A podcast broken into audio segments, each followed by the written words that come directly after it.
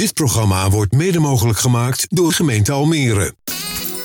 Easy FM tegen innovatie met Ronald Tervoort. Easy FM. Welkom en leuk dat je weer luistert of meekijkt naar Tech en Innovatie, de wekelijkse talkshow over ondernemen op het snijvlak van technologie en innovatie. Ik ben Ronald de Voert en elke week heb ik twee gasten uit de regio. Denk aan start-ups, scale-ups tot de grotere bedrijven en instellingen. Wat drijft hen? Welke lessen hebben zij als ondernemer geleerd? Hoe proberen ze te innoveren? De impact van technologie erbij en natuurlijk worden de nodige praktische tips gedeeld. Vandaag de gast in de ICFM-studio in het WTC Media Center Almere. Ivar Kwadvas, CEO van Quavac, over de business van vacuüm toiletten en afvoer, ondergronds innoveren en de ambities in India en het Midden-Oosten. En Stijn Sprenkels, connector bij Wonderbit, over digitale innovatie als vertrekpunt, de werkelijke meerwaarde van JetGPT en kansen binnen food. Heren, welkom in de studio. Dankjewel. Goedemorgen. Leuk dat jullie er zijn. Nou, uh, JetGPT, daar is het nodig al over gezegd. Maar dan gaan we dadelijk eventjes bij jou natuurlijk uh, vinger aan de pols uh, over hoe het ermee staat. Ja. Denk ik. Hè? Daar heb je vast wel mening over. En nou, Ivar, vacuüm, toilet en afvoer. Die, die hebben we niet vaak tot onderwerp. Nee, nee, dat is natuurlijk allemaal ondergronds. dat ziet niemand. Ja, ja, nou ja, dat is ook meteen misschien de uitdaging. Maar daar gaan we ook straks even natuurlijk verder Ja. op in. We beginnen het programma, Ivar, altijd met wat jullie is opgevallen bijgebleven op het gebied van tech en innovatie in het afgelopen periode. Welke sessie zou je willen opwerpen? Nou ja, normaal hè, begin je natuurlijk eh, te denken aan nieuwe uitvindingen, nieuwe innovaties. En wat wij eigenlijk eh, zien, hè, of wat ik eigenlijk zie op het vakgebied bij ons, is dat eigenlijk innovatie meer bij bedrijven nu plaatsvindt, zoals bij ingenieursbureaus, adviesbureaus, gemeentes, die eigenlijk intern innoveren en eigenlijk denken aan alternatieven. En eh, wij komen natuurlijk uit een branche wat vrij traditioneel is, afvalwater, inzameling en eh, transport daarvan. Ja, en dan blijf je heel vaak hangen in, natuurlijk in die traditionele technologieën. En nu zie je toch dat eigenlijk, wil ik dus eigenlijk zeggen, dat innovatie meer bij de bedrijven plaatsvindt. In plaats van ja, de nieuwe uitvindingen, zoals eh, Stijn straks misschien over ChatGPT, AI, hè, dat hoor je natuurlijk heel veel in het nieuws. Maar ik zie daar echt wel een hele grote verandering de laatste, ik wil zeggen twee jaar. Kleine en grote adviesbureaus die echt meer op innovatie sturen en ook dat durven. En dat is eigenlijk ook door de nieuwe generatie ingenieurs en eh, adviseurs. En waar, waar ligt dat aan, volgens jou? Het komt nu vooral natuurlijk ook, hè, er zijn natuurlijk heel veel veranderingen in de wereld. Klimaat hè, eh, is natuurlijk een flinke aanjager van alternatieven en innovatie. En mensen zoeken dan toch naar, in, nogmaals in ons vakgebied, in afvalwater, naar ja, hoe kan ik water besparen? Eh, hoe kan het duurzamer? Hè, en helemaal nu met die droogte. eh, Waterschaarste, ja, dat is bijna dagelijks in het nieuws Ja, ik, zag van de week eh, Spanje. Dat, Ja. is, dat, dat baart mij zorgen. Maar goed, dat is een heel andere Gardermeer. Ja, Nou, dan kan je alleen maar pootje baren, volgens mij, over een tijdje. Dat is ook een laagwaterstand. maar dat speelt jullie in elkaar trouwens, denk ik weer, met vacuüm. Maar, dat Ja, precies, ja. Maar, maar over die bedrijven inderdaad, dat- wil je dan ook zeggen eigenlijk de urgentie? Want iedereen raakt het ongeveer wel. eh, Ja. is gewoon heel erg hoog geworden. Ja, precies. En, en dat, dat is juist ook de aanjager nu. Hè. En, en vroeger bleef iedereen eigenlijk meer in het traditionele denken. En nu zie je toch dat die, eh, ja, de generatie van, eh, van nu, die eh, zijn toch meer de aanjagers erin. Nou, dat stemt alweer hoopvol naar de toekomst. Ja, Was jij, eh, Stijn? Ja, ik eh, heb die vraag ook eens aan ChatGPT gesteld. Oh god, ja, dat hadden we kunnen weten, Ivar. hè? Ja, Dit- ja. Heb je nog iets zelf bedacht Oh. vandaag? Of is alles... ja, eh, zeker. Ja. Nee, ik, ehm, ik heb eh, daar zelf natuurlijk ook wel een beeld bij. Maar ik vond het leuk om eh, ChatGPT ook eens eventjes te raadplegen. En wat je dan ziet is dat daar als resultaat kwam dat Tesla gestopt is met het accepteren van de bitcoin voor het betalen van auto's. Maar goed, dat is oud nieuws. Dat is al eh, een paar jaar geleden. eh, Ja, toen die, toen die bitcoin heel veel geld waard was, toen was het natuurlijk nog lol. Maar nu betaal je heel veel bitcoins eh, meer. Ja, precies. Dus Tesla is ermee gestopt. Maar dat was dus het antwoord van ChatGPT. Van wat is jou opgevallen? Oh, nou dan loopt hij eigenlijk wel achter dan, hè? nou, precies. En dat vond ik dus eh, wel een leuke constatering. Of tenminste, een belangrijke constatering. Dat je kunt daar van alles aan vragen aan ChatGPT. Maar het is altijd goed om even na te denken op welke bronnen baseert ChatGPT zich en hoe recent is het. En eh, nou, dat was dus een voorbeeld van ja, een, een nieuwsitem wat eh, in 2021 Maar dat is toch bizar dat dit... eh, ik, ik ben best wel verbaasd eigenlijk. Want ik hoor, je hoort heel veel Hosanna-verhalen over hè, AI die allerlei dingen kan. Ja. Hè, Ik had laatst ook, moest ik iets voorzitten. Dat ik heb al eerder geroepen. En had iemand gewoon een hele lijstje met trends. Toen zei ik, hoe kom je erop? Ja, JetGPT. Toen dacht ik, nou, iedereen wordt heel gemakzuchtig. Ja, je moet Maar wat jij vertelt is Ja. gewoon, dat is best wel triest Wees, eigenlijk. wees alert. Ehm, het kan heel inspirerend zijn en het kan je heel veel inzichten geven. Maar eh, denk altijd even na, ja, waar is ChatGPT mee ge- gevoed? En welke bron wordt er gebruikt? Of Dus, heeft het te eh, maken met eh, de prompt, zoals het heet, wat je hebt ingevoerd? Heb je gewoon niet goed gezocht en AI niet goed aangestuurd? Nou, ik heb het nog wat specifieker gemaakt. Echt Oh. specifiek gevraagd van, nou, wat is er in april 2023 gebeurd voor, als voorbeeld? Toen gaf hij het hele mooie antwoord dat hij niet in de toekomst kon kijken. Jeetje. Dus, Nou, de meerwaarde van ChatGPT hebben we bij deze afgevinkt. nou goed, eh, daarnaast heb ik natuurlijk wel eh, zelf ook nog eh, een nieuwtje wat, eh, wat mijn aandacht eh, trok. Ook dat heeft eh, dan wel te maken met eh, het gebruik van eh ChatGPT. Eh, dat Bloomberg heeft een eh, interne memo gezien van eh, Samsung, grote elektronica concern, waarin de medewerkers van Samsung worden verboden om tools als ChatGPT te gaan gebruiken tijdens hun werk. En het heeft met name te maken met het feit dat er codes, eh, broncodes van eh, software van, eh, van Samsung werden geüpload naar ChatGPT. Om dan ChatGPT te vragen of er fouten in zitten. Of er bepaalde optimalisaties doorgevoerd zouden kunnen worden. Maar waar je van bewust moet zijn, is alles wat je opstuurt naar ChatGPT, dat wordt daar opgeslagen. Dus dat is meteen een potentieel datalek. Dat je dus bedrijfsgevoelige informatie aan ChatGPT toevertrouwt. En eh, ja, dat is iets wat eh, voor mij heel veel mensen zich niet realiseren. Ja, want er was ook iemand bij Google hè, opgestapt natuurlijk. eh, de een hè, van de hoofden van AI. Hè, die, die toch zoiets had van welke monster hebben we geschapen. Maar goed, dat, vroeger was de trein geloof ik die begreep ik in Nederland kwam. Was ook al, oh jongens, alle koeien gaan dadelijk dood in de wei. Hoe kijk je daarna eigenlijk, Ivar? Gewoon qua dit soort, hè, dit het heeft niks eh, te maken met vacuüm. Maar eh, misschien het proces van het maken van een chip. Maar dat AI, hoe kijk jij daarna? Vind je dat eh, bedreigend? Of zeg je nou, mooi, nieuwe ontwikkeling? Nou ja, net zoals wat Stijn nu zegt, dat zijn natuurlijk wel ja, enge dingen eigenlijk. Hè? En je hoort natuurlijk heel veel over nu over AI en ook over dat nasynchroniseren, hè? Dat, de stemmen. Ja, Dat deepfake. Ja, deepfake, ja precies. Nou, dat ziet er echt wel eh angstaanjagend uit eigenlijk, wat Ja. allemaal kan. Laten we hem even eh, nog positief insteken. Richting eh, in jouw business, Ivar. Je bent CEO van Quavak, wat ik al even zei. Een onderneming die sinds 1865, als je dan even teruggaat in de tijd trouwens. Die had je kunnen checken bij JackPT. Die had als het goed is goed gehad. Maar goed, maar jullie, jullie zitten in die vacuüm eh, riolering, vacuüm toiletten. Eh, Maar wat ik wel grappig vond, is dat ik zag dat jullie eigenlijk pas heel recent in Nederland actief zijn. Hoe, hoe kan dat? Je bent al nou, bijna 200 jaar eh, in de business.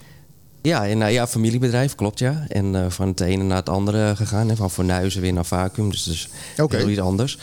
Maar eh, ja, we zijn in principe in Nederland zijn we met eh vacuümriolering wel wat langer bezig hoor. Al 40, 45 jaar. En de andere tak, de vacuümtoiletten, zijn op twee branches. De marine, nou dat is echt daar volledig geaccepteerd, de vacuümtoiletten. Oh, dat zijn echt de boten. De boten, ja, die luxe jachten of eh, die eh tweedeks eh cruiseschepen. Achter Centraal Station, die over de Rijn varen. Mhm. Die hebben allemaal onze vacuümtoiletten. En daar is het wel heel erg geaccepteerd eigenlijk al om vacuümtoiletten toe te passen. Maar in gebouwen, ja, de, hè, dus in, bijvoorbeeld in mooi in de WTC had het mooi gekund. En dan bespaar je toch 90% water met elke spoeling. En eh, dat, dat is eh, opkomend. Dat is wat ik zei met het innoveren, eigenlijk wat de ingenieursbureaus nu gaan aanjagen eigenlijk. Want als je het hebt over vacuümtoiletten, ik weet niet eh, of, of jij dat misschien ook hebt, Stijn, maar dan denk ik vaak aan het moment dat ik in het vliegtuig naar Klopt. de wc moet en dat Ja. je de oren dicht houdt en dan vloep, weet je wel. Ja. Als je niet oppast is je telefoon door de lucht. Wat is het voordeel van de vacuümtoiletten, behalve dan dat je water bespaart, wat je net zegt? Nou, het klopt. Het is, eh, hè, de meeste mensen vergelijken het altijd met een vliegtuig. Nou, net wat je zegt, dan doe je echt je oren dicht. Maar dat zijn de huidige toiletten, hè, de vacuümtoiletten die dan op de schepen en in gebouwen niet. Die zijn zelfs nog stiller eigenlijk dan een vrij vervaltoilet. Oké. En het is maar vier seconden. Hè. Je drukt door, het is klaar. En met een vrij vervaltoilet, dan stroomt natuurlijk het hele waterreservoir, hoor je nog stromen. En dat is bij een vacuümtoilet niet. Hey, want hoe werkt dat? Want eh, ik, heb gewoon een reguliere, nou ja, eh, vervaltoilet, eh, zoals je het noemt, heb ik. Maar stel je voor dat ik morgen zou zeggen, joh, eh vacuümtoilet. Moet ik dan mijn hele vloer open gaan breken? Hoe, hoe werkt dat? Nou ja, eh, voor bestaande woningen is het eigenlijk niet zo heel makkelijk te doen. Omdat je eigenlijk een, centraal vacuümstation nodig hebt. Het is een beetje als je dat afvalsysteem van de gemeente Almere, hè, dat eh, afval met de prullenbakken en zo. Dan heb je een centraal, eh, ja, grote stofzuiger noem ik het maar even. Ja. En dat wordt allemaal ingezameld op een centraal punt en dan verder getransporteerd. Maar als je bijvoorbeeld zo'n gebouw hebt als WTC, dan kun je dat heel makkelijk ombouwen, omdat je vrij flexibel bent. Wij kunnen namelijk omhoog met het vuilwater. Alles moet normaal natuurlijk naar beneden, maar wij kunnen omhoog. En dan kun je de leiding in principe heel makkelijk onder dit plafond, onder het verlaagd plafond leggen. Oh ja, want in, in huizen zoals in mijn huis, dan moet je de betonnen vloer openbreken. Ja, nou, dat, ja, dat kan niet. ja. Maar je kan dus niet zeggen, ik ga thuis mijn toilet vervangen voor een vacuumtoilet. Daar zit een motoriek bij en dan gaat het Nee, er zit geen een- motoriek bij. Het is helemaal eh, zonder elektra. Het is pneumatisch. Maar je hebt wel een, vaak een pompstation nodig die vaak dan verder weg staat. En die dan meerdere huizen tegelijk kan eh, inzamelen. Eigenlijk de grote stofzuiger. De grote stofzuiger, precies. Maar, maar op het moment dat je dat dan gaat doen, hè, stel je voor we wonen samen in hetzelfde complex, moet dan het hele complex om? Of zeg je van nou, een gedeelte van de woningen kan gewoon daarop aangesloten worden? Is het, is het altijd eh, one... eh, Nou ja, eh, nogmaals, ik denk voor hè, waar we nu natuurlijk eh, naartoe willen, is eigenlijk meer voor de nieuwe gebouwen, eh, scholen. Dat is eigenlijk nu een beetje waar we naartoe willen. Want als de studenten of de leerlingen leren met vacuumtoiletten omgaan, dan wordt het ook sneller geaccepteerd. Het is natuurlijk een vrij conservatieve markt hè, met, met bouwers en aannemers. En die willen alleen maar eigenlijk hè, vrij vervaltoilet, want dat kennen ze. Ja. Maar als je dan dus leerlingen al leert omgaan op scholen met vacuumtoiletten, ja, dan wordt het ook snel geaccepteerd. Hè? En dan praat ik wel weer over misschien wat jaren verder. Maar die gaan ook een keer op hunzelf wonen. En als Maar- ze dan in een appartement komen met een vacuumtoilet, is het geaccepteerd. ja, dat is, maar als je kijkt naar reno- eh, renovatie. Want Ja. ik begreep dat bij renovatie is het juist handig hè, dat je geen normaal systeem moet aan te leggen. Want ja, die buizen zijn dikker en je moet helemaal door het plafond. Nou ja, goed. Ja. Ook, en dat juist zo'n vacuumtoilet en riolering veel handiger is. Maar Ja. jij zegt net, ja, dan moet je breken. Dat is niet zo handig. Nou ja, in, in, in, in, in, eh, hè, als- je dit, nogmaals, dit gebouw, hè, wat je hoort. Ja, maar hier hebben ze allemaal van die ruimtes om eh, allemaal... Ja, hier kan je heel makkelijk natuurlijk via het verlaagd plafond. ja, En in een woning is het altijd wat krapper en eh, lastiger. Maar als je een kantoorpand zou ombouwen tot appartementen, is dat vrij eenvoudig te doen, ja, met vacuüm. oké. En dan kan ik nu zo zeggen van nou eh, Ronald, wil je hier een toilet? Dan krijg je hier een toilet. Oh, wil je dat, Stijn? Kom ze, kom ze hem overbrengen. Ja, maar kan je echt, want het WTC hier, het middelste pand is 32 hoog. Ja. Jij, kan twee, jij kan gewoon lekker hoog. Ja, ja want van pompje staat beneden. Maar ik kan wel de leidingen steeds eh, twee meter omhoog brengen. Oké. Dus ook in zo'n wandje. En er zijn natuurlijk 50 mm pijpjes in plaats van de grote 110. Hey, en, en jij zegt net hè, van het bespaart 90% water. Want ja, ik bedoel, uiteindelijk moet er wel ergens gespoeld worden. Tuurlijk. Dat is trouwens ook zo gek hè, tegenwoordig. Wij spoelen maar water als je het hebt over droogte. Wij- Wij, gaan echt een halve douchebeurt er doorheen gooien. Maar goed, dat, dat is ook een perceptie. eh, dat ik denk, daar mogen ze ook aan de slag. Maar hoe zit het dan met dat water? Want, want je hebt heel weinig water nodig. Ja. Maar goed, de boodschap die erin gaat is niet eh, aangepast aan hoeveelheid water.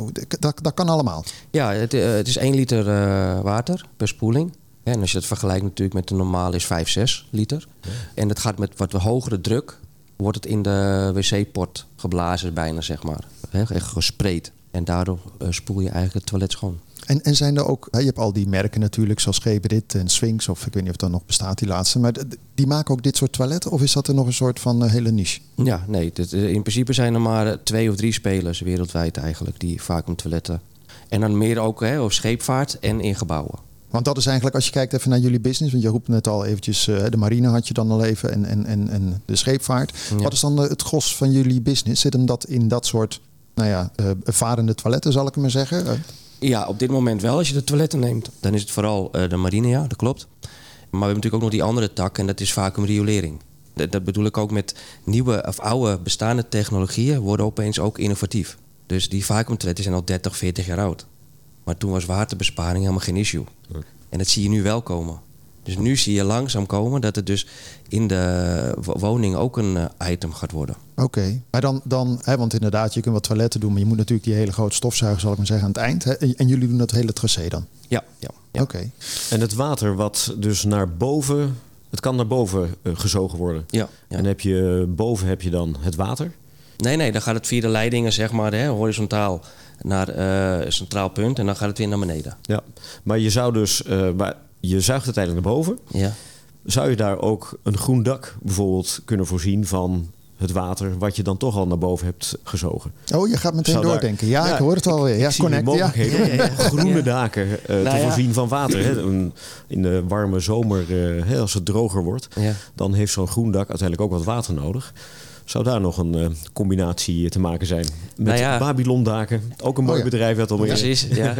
Die was ook een van de genomineerden Ja, trouwens. daarom. Ja, klopt. Eh, Zie ik hier een, eh, een mooie combi Nou ja, staan? Of? Je, je zou wel eerst het vuil water wel moeten behandelen, denk ik. Want je kan Dat wel. is je- natuurlijk van een toilet. Ja. Dus dat kan je niet zomaar op een dak... eh, nee, maar hij bedoelt volgens mij gewoon het water. Ja, het- bedoelt- wat- welk water Nee. bedoel je dan? Gewoon Nee, schoon water. Nou ja, nee, je hebt inderdaad hè, eh, wat meststoffen. Ja. Oh, zo, zo. Ja. Ehm, ik weet niet in hoeverre dat... eh, eh, kun je daar wat mee? Als het water uiteindelijk boven is, zou je daar iets mee kunnen? Nou ja, dat dat is, dat is een zuivering. leuke vraag trouwens. Want wat je wel ziet nu, dat is dat, dat je natuurlijk, omdat het geconcentreerd is, hè, het vuilwater. Zwart water noemen we het trouwens, want je hebt grijs water is douchewater. Oké. Maar het zwarte water wordt dus apart ingezameld. En daar kunnen ze dan mineralen, hè, fosfor, alles kunnen ze eruit halen. En eh, ook gebruiken als biogas. Maar eigenlijk zou je dus zeggen, behalve de stofzuiger gaan we er nog een unit voor plaatsen. Die gaat eh Stijn Co ontwikkelen. Maar in ieder geval eh, die, die het schoonmaakt. Eigenlijk een soort eh, mini waterzuiveringsbedrijfje. Maar je kan ook water natuurlijk van het dak. Want jij zegt wel kan het omhoog. Maar je kan ook zeggen water uit, eh, uit, de, uit de sky wat op het dak valt. Dat kan je ook meenemen. Ja, om te spoelen. Ja, Ja, natuurlijk. Ja, Ja, dat is andersom. Ja, en, dan, en, en dat zal ook steeds meer komen. Dat zie je ook steeds meer gebeuren. En dat bedoel ik ook in het begin met de innovatie. Dat, daar zijn juist dus nu de voortrekkers van. De ingenieursbureaus, adviesbureaus. Die daar veel meer op sturen. En die durven ook die stap te nemen. Stel je voor dat we hier de vacuüm toilet hebben met jullie hele eh infra erachter. Dan hoef ik niet mijn oren dicht te doen, want het is heel kort. Nee, Eh, dus eh, eigenlijk is dat een slecht voorbeeld. Hè? Want dat is dan het enige waar het gros van de burgers natuurlijk mee te maken krijgen. Ja, ja. Ik zit nooit op een marineschip. Jij ook niet, Stijn, toch? Nee, dat is lang geleden. Nee. Oh, onderzeeër was vorige week nog op. Ja, precies. Maar als je dan even kijkt, want mensen zullen ook denken aan het begin van ja, hartstikke leuk, goed voor de natuur, et cetera.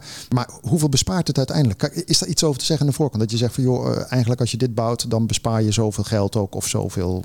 Nou, in principe kunnen wij zeggen, bijvoorbeeld als je een school zou nemen met 2000 leerlingen, dat hebben we ons nagerekend. En eh, die 2000 leerlingen, dan is een school, weet ik, voor 180 dagen open of zo. Hè, dan, dan zou je zo twee Olympische zwembaden aan water kunnen besparen. Vol. Ja. En, dan, en dan ga ik wel uit dat ze natuurlijk allemaal naar het toilet gaan twee keer of zo. En zo'n rekensommetje wat je kan maken. Maar ja, dat zou dus echt twee eh zwemming, eh, Olympische zwembaden.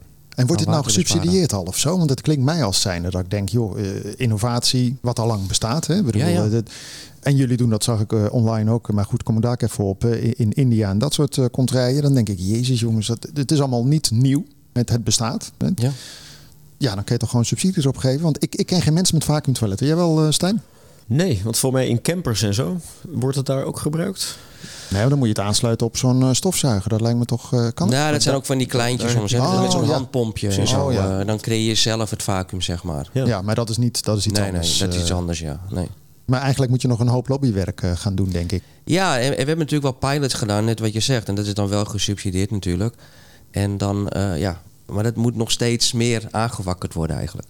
Ja, maar eigenlijk zeg je van eh, we moeten ons veel meer bewust te zijn. Maar goed, wist jij dit? Of had je aan de voorkant ook alweer ChatGPT gevraagd hoe het zat? Nee, maar, maar wist jij dit? Nee, maar dat, dat is met name door, eh, doordat ze inderdaad de ondernemer van het jaar eh, zijn geworden in Almere. eh, nou, dan lees je erover en dan ga je toch verdiepen in, eh, in, in wat jullie doen. En daardoor ben ik eh, jullie op spoor gekomen. Maar Ja, Nee, want, want, het kwam net al even aan de orde. Want jullie zijn gekozen tot ondernemer van het jaar in de categorie kleinbedrijf. Van harte natuurlijk. Dat is eh, lekker voor je, voor je. Nou, dan zou je zeggen, marketing eh, gratis, zoals Stijn al aangeeft. Dus eh, je bent mensen aan het aannemen en de, de business gaat nog beter dan voorheen. Ja, ja nee, dat, dat merk je wel, ja. ja. En dat is dan, hè, want we- hè, één tak heb ik nog niet belicht natuurlijk. Dat is het vacuümriolering, wat je zei, in India, in het Midden-Oosten. En daar is alles ondergronds. Maar dan is het, alles in de woning is eigenlijk conventioneel. Dus de toiletten, alles. Alleen we zamelen het in en we zuigen het weg. Oh, dat kan ook nog. Bij die putten, ja. Dus dan, dan blijft alles conventioneel. Omdat we natuurlijk zagen dat vacuümtoiletten 30, 40 jaar geleden... niemand wilde dat hebben. En toen hebben we eigenlijk de techniek van het vacuümtoilet eigenlijk naar buiten gebracht. nou, Zodat de woningen in principe conventioneel bleven. En het voordeel daaraan is. Nou, het voordeel daarin is dat de putten, hè, al die putten zijn ook zonder elektra. Wel heb je weer een grote stofzuiger nodig, centraal. Die dan zo'n hele wijk of een heel resort helemaal inzamelt naar één centraal punt. Maar goed, dan gaat er wel dus die 5, 6 liter water doorheen. Dat wel, ja. Dat ja wel. Dus daar heb je niet de waterbesparing, maar wel energie. Je verbruikt veel minder energie, omdat je maar op één punt elektra nodig hebt natuurlijk. Kleine leidingdiameters. Dus ook het milieu wordt minder belast met graafwerkzaamheden. Minder diep. En helemaal in Nederland natuurlijk met hoge grondwaterstand. En je hebt natuurlijk inderdaad hè, qua verval, je hebt, je hebt niet, niet echt eh, een verval nodig. Nee, want, nee, eh, nee. dus je hebt ook minder snel dat je leidingen wellicht eh, vast komen te hangen. Hey, maar even richting India. Hoe kom je daar nou weer verzeld? Nou, India is zo. ehm we hebben mensen nodig natuurlijk. Ook die AutoCAD tekenen. Hè. Dat is moeilijk te vinden hier, in ingenieurs. En ik denk eh 2009 ben ik begonnen met een bedrijf in India... gewoon om ons te helpen met al die tekeningen te maken. Want we hadden zo'n lood met AutoCAD tekeningen. En dat ging vrij goed. En toen dachten we van... hé, we moeten eigenlijk zelf ook even een bedrijf oprichten. En dat, heet, dat noemen we dan ook echt Quavak. En dat is onze eigen rechterhand. Alleen maar back-office voor tekenwerk. Maar toen zag je dus langzaam dat ze dus steeds verder hè, en steeds meer ervaring kregen en experience zeg maar in, hey, in vaak wij kunnen het zelf ook in India. Dat ze dus projecten hebben proberen te vinden en die vonden ze ook. En dat is natuurlijk vrij mooi en vrij lastig ook in India, want het is een low-cost country natuurlijk. Maar het groeit als eh, een dolle, dus je business. eh, ja, is, eh, en nu zie je dus ook dat, dat ze dus al die projecten daar krijgen. En ze, en ze behandelen ook nu Malediven dan. Hè, omdat het vlakbij is. Dus zij behandelen nu India en de Malediven. En het is nu echt een volledig kantoor van Quavak. Ja. Lekker. Ik ben heel benieuwd eh, toen je in 2009 in India startte en daar dan werk naartoe bracht om daar tekeningen te laten maken. Ehm, hoe is dat proces gelopen? Want eh, je ziet ook veel in software development trajecten dat je dingen uitbesteedt aan, eh, aan Indiase bedrijven bijvoorbeeld. Maar dan zie je toch vaak dat ehm, ja, het resultaat van het werk wat dan wordt opgeleverd eh, niet helemaal aansluit bij de verwachtingen. Dat heeft ook vaak te maken met eh, nou, taalbarrières, eh, eh, noem maar op, allerlei, allerlei redenen. En daar zie je vaak dat dat, nadat het geprobeerd is, toch weer eh, teruggedraaid wordt en dat men eh, wat dichter bij huis eh, naar een oplossing zoekt. Bij jullie is dat succesvol eh, gegaan. Ja. Kun je daar wat over vertellen? Wat, wat, daar Nou. de, wat was daar de, de sleutel tot succes? Nou, je, je, hebt gelijk. In het begin is het ook lastig. Je gaat in het begin ook een beetje met een westerse blik naartoe. En je denkt, Ja. ik ga het even veranderen. Nou, no way. dat gaat je niet Nee. lukken. Nee. Dus je moet gewoon bepaalde dingen ook accepteren. Eh, en het is vaak gewoon van, ja, de manager beslist. En bij ons, wij denken meer van A tot Z. Hè? En dan doen wij gewoon een job. En die doen wij, voeren we helemaal uit. Mhm. Maar daar moet je echt gewoon handleidingen schrijven. En dan begin je heel kort. Oké, die doet alleen maar de layout tekenen. Lijnen trekken bijvoorbeeld. Ja. Dan mag je de volgende stap en de volgende stap. Dus het hele team heeft daar echt een hele mooie handleiding. Die hebben wij natuurlijk getoetst. En ja, nu is het eigenlijk, hoeven we er helemaal, helemaal geen omkijken meer naar. En, Ja. Het verschilt natuurlijk wel. Zo'n zo'n webproject, zal ik maar zeggen, dat heeft vaak een bepaalde lead time en is klaar. Kijk, dit is natuurlijk een bepaald product wat je over langere termijn kan wegzetten. Dus dan kan je nog kennis en kunde opbouwen. In jouw geval kan ik me voorstellen dat je het wegzet. Is het elke keer anders? Ja, dat- wat je dat wou ik zeggen. Het is, eh, ja, het is heel Dus dat is dynamisch. En ja ik, ja, ik snap inderdaad dat het... eh, Maar je hebt aspiraties, ik hoor het al wel. maar e- even, jij, jij noemde het even ook de Malediven en zo. Maar toen moest ik denken aan eh contraien zoals eh, wat ik aan het begin zeg, Midden-Oosten. Maar ook een Dubai, eh, eh, de Arabische eh, hoek daar. Dan denk ik, nou, er wordt heel veel gebouwd. Er wordt heel veel land opgespoten. Er worden allemaal palmeilanden neergegooid. Eh, zit je daar ook? Ja, ja, daar zitten we ook. Ja, precies. En, en nu is het vooral eh, in Ook leuk, eh, Stijn. Kun je daar een vraag over stellen? ja. Nee, we zitten nu vooral eigenlijk in meer... Oh ja, Abu Dhabi is nu wat hoort er eigenlijk dan Dubai. Daar is het meer in de hoogte. Hè? En eh, in, eh, in Abu Dhabi komen wat meer eilanden, net wat je zegt. Maar we zitten nu vooral in Saudi-Arabië. En eh, daar heb je de Red Sea, hè, wat ze zien. En misschien hebben jullie wat projecten was gezien van NEOM. Ooit was gehoord met de Line, 170 Oh, die, die, die, kilometer. 170. Ja, oh, daar zit je ook in. Nou, daar zit ik niet in. Ik, we, we praten wel met die developer, want die doet ook eilanden. Maar de lijn is natuurlijk niet geschikt voor eh vacuümriolering. Dat is 500 meter hoog, 200 meter breed gebouw. Eh, en Ja. dan 170 kilometer lang. Dus dat is niet iets voor ons. Oh, ja. Zijn wel lekker lang pijpen. ja, maar wij doen, wij eh, doen wel al die resorts, zeg maar. eh, Oh, cool. Van, Hey, maar als je nou net zegt, hè, die, die, die leidingen. Dus ik even, als dat nou ja, een paar honderd meter lang is, of het gaat vanuit dit gebouw naar, naar die grote afzuiger, kan je er geen sensors in gooien of zo? Of eh, hoe ga je dat allemaal inspecteren? Je hebt tegenwoordig hele mooie slimme apparaatjes. Het lijkt mij voor jullie eh, waanzinnig. ja, we, hebben ook sensoren nu, klopt. Eh, hè, want, Maar wat doen die dan? Die, die traceren dat er meststof in zit of wat, dat het verstopt is? Die, ja, precies. Die, die putten dan, hè, dus dan praat ik over, nogmaals over vacuümriolering, dus buiten met een putje. Nogmaals, die hebben geen elektra. Maar als je 100 putten hebt en één put heeft een storing, ja, hoe ga je hem dan vinden of zoeken? Nou, en dan zie je toch nu hè, dat we nu eh sensorsystemen hebben om te zien of de klep open of dicht is. Dus meer gewoon alleen een, een rietcontactje, zeg maar.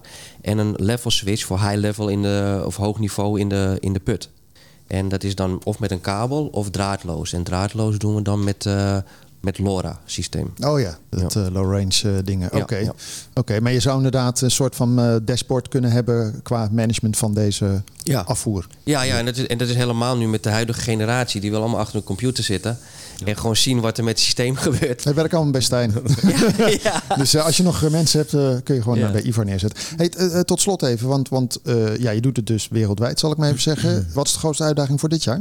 Personeel? Nieuwe landen? Nou, personeel hebben we nu eh, nou, toevallig weer drie nieuwe collega's erbij. Daar zijn we hartstikke blij mee. India heeft er eh, geloof ik ook weer vijf bij. Ja, ik zeg geloof, want dat, dat wisselt heel erg. Want zodra ze dan weer een project hebben, eh, dan gaan er weer twee man naartoe om het onderhoud te doen. En heel veel reizen ook. En dat is ook natuurlijk mooi voor ons. De supervisie op een project. Dus we hebben mensen in Botswana zitten. We hebben mensen nu in Midden-Oosten, in Saudi-Arabië zitten.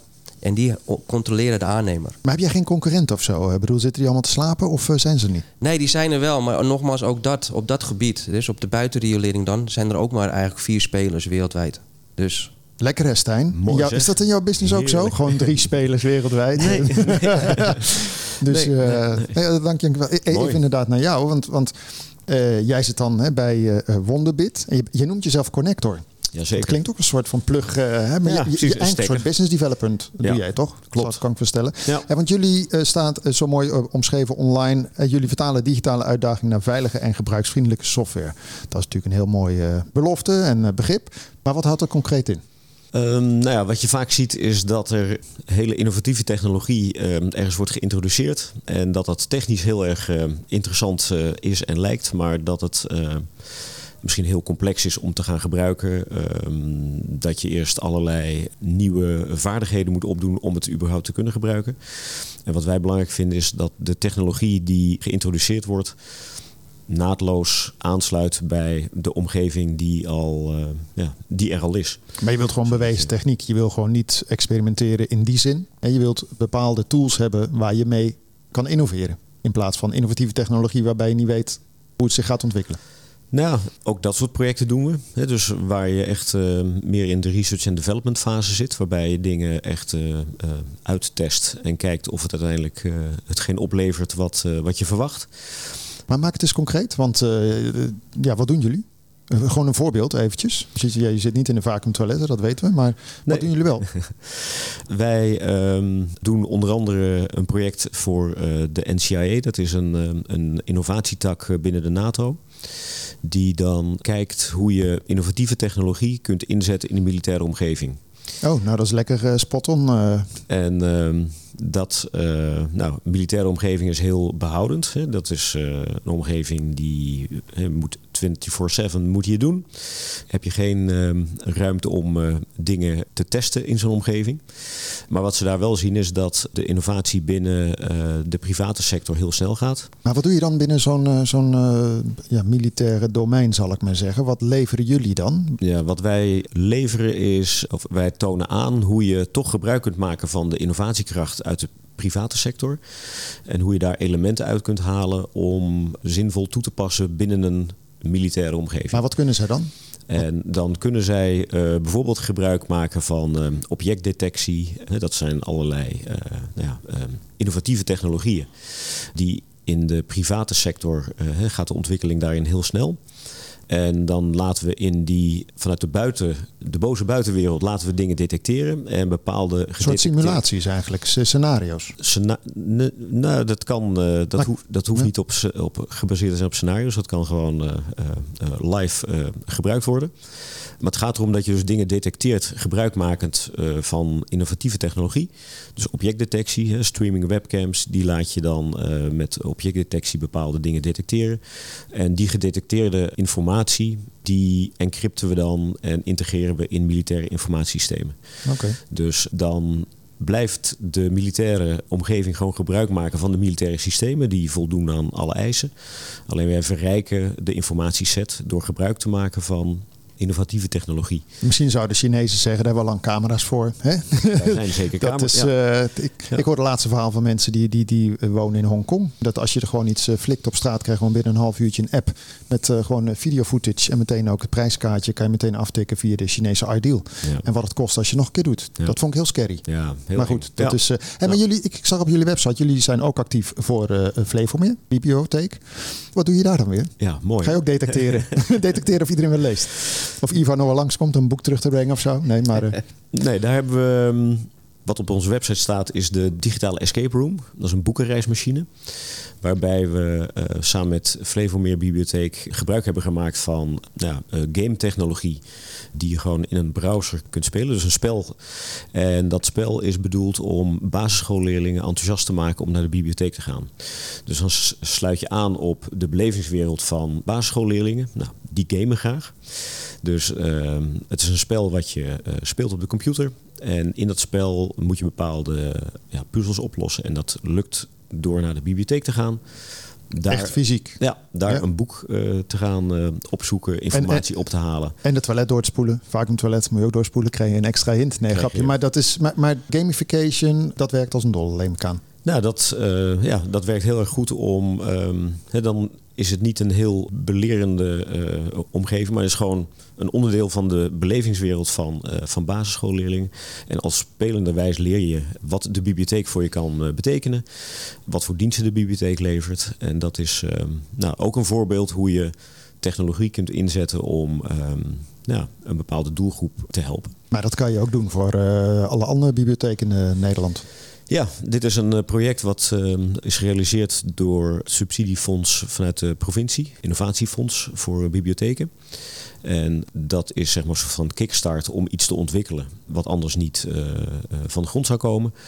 En inmiddels maken er twintig andere bibliotheken ook gebruik van, eh, eh, van dit spel. Dus dit is eh, iets wat inderdaad door het land wordt gebruikt nu.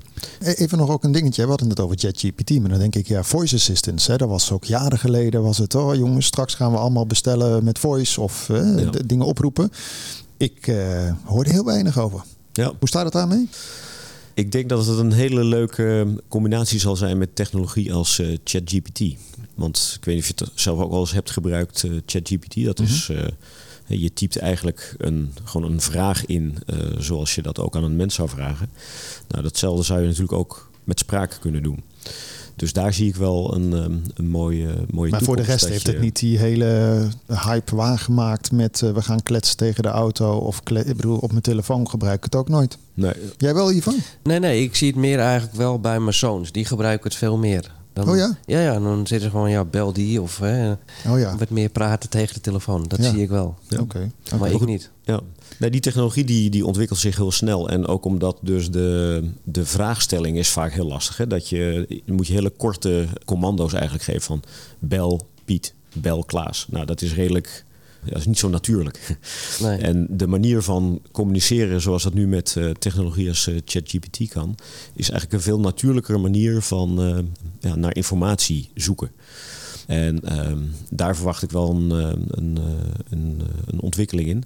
Dat daardoor de spraakgestuurde communicatie ook veel natuurlijker gaat, gaat verlopen.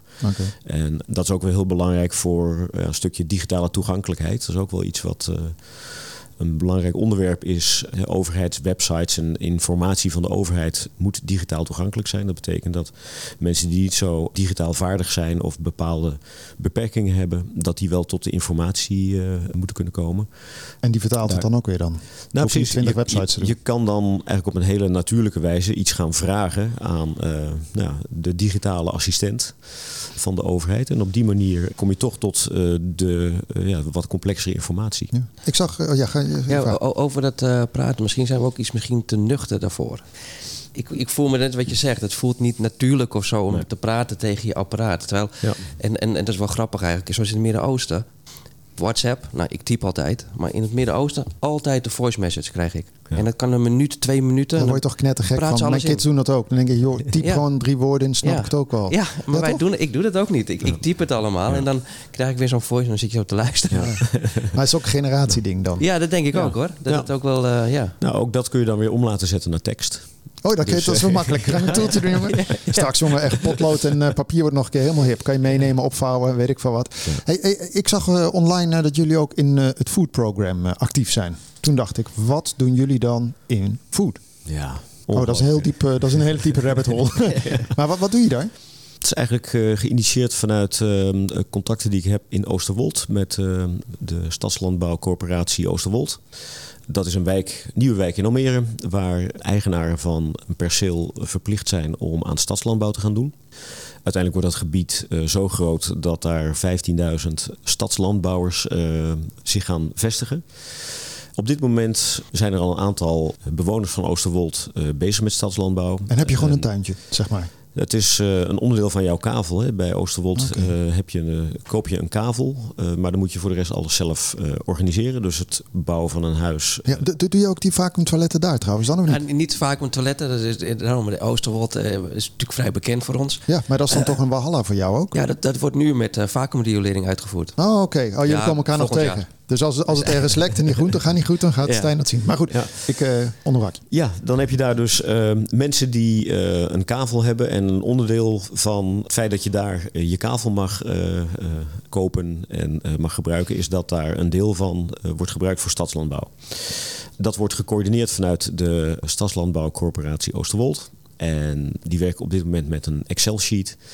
Waarin wordt bijgehouden wie welke groente aan het verbouwen is. En dat wordt inmiddels zo groot dat het Excel-sheet niet meer, eh, niet meer voldoet. Nee, met 15.000. eh, Zover zijn ze nog niet. Hè. Het zijn er nog geen 15.000. Nee, maar maar, dat dat, is, gaat eh, groeiende. Dus ja, ze lopen nu al tegen eh, beperkingen aan dat het eh, niet meer. dat je geen overzicht meer hebt van wie heeft wat in de grond gestopt. Want wil je de grond niet uitputten, dan moet je om de. mag je pas zes jaar later weer dezelfde gewassen in de grond planten. Ja. Dus nou, op die manier moet je dus best wel wat informatie bijhouden van wie wat in de grond stopt.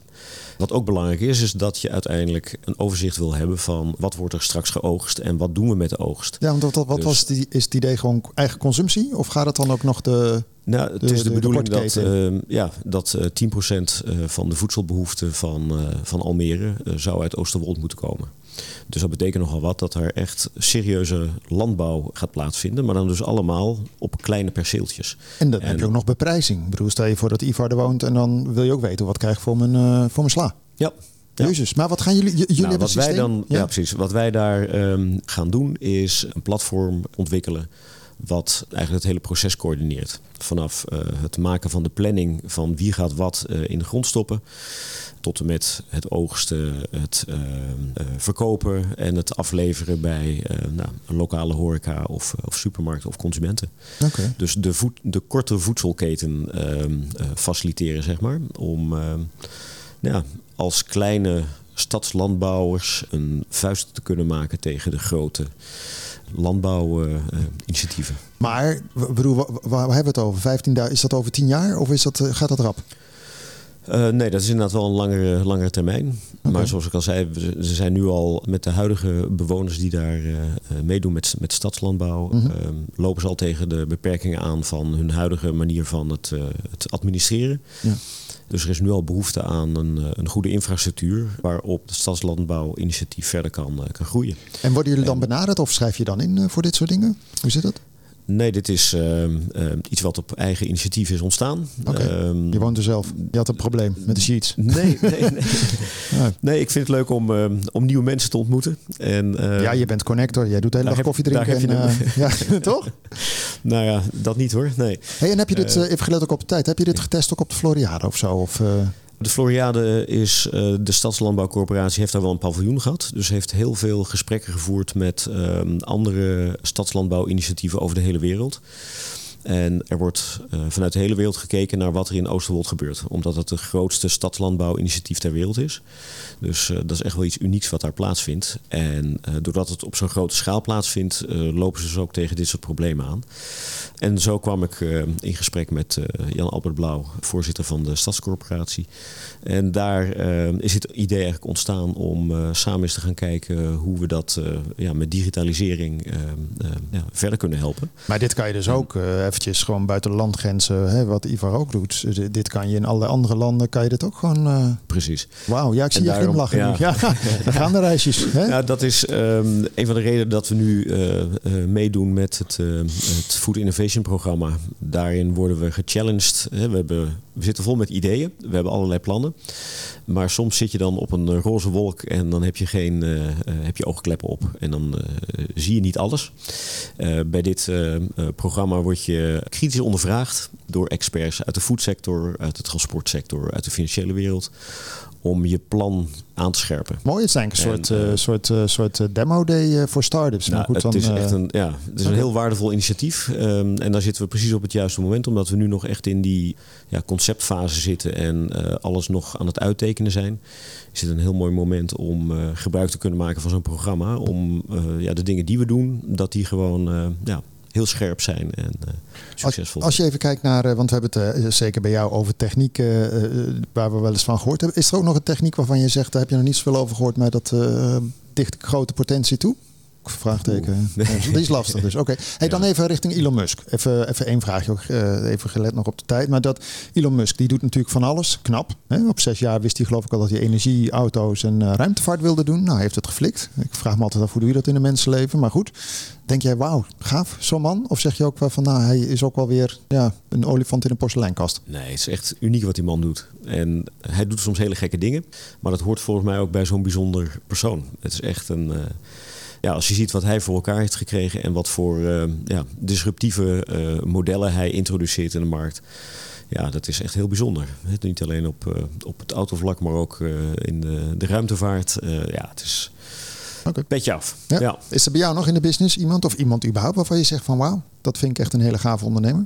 Je kunt meteen nomineren voor ondernemer van het jaar natuurlijk. Maar nee, maar is er iemand dat je zegt van, wauw, dat vind ik inspirerend? Nou ja, wat je net zegt natuurlijk, Elon- Musk is wel een van de pioniers met eh, hè, wat hij allemaal eh, doet. Maar Hij heeft een vacuüm eh, treinbuisstelsel, toch? Ja. Daar word je toch ook geschoten? Dat duurt ook lang, hè? Maar het zou wel gaaf zijn als hij er komt. ja, Toch? zeker. Hey, richting het eind van het programma vraag ik altijd aan mijn gasten waar ze zich op verheugen komende week. En nou, Stijn, waar verheug jij je op eh, komende week? Komende week. Ja, of komende weken. Misschien ga je nog eh, tripjes maken naar het buitenland, I don't know.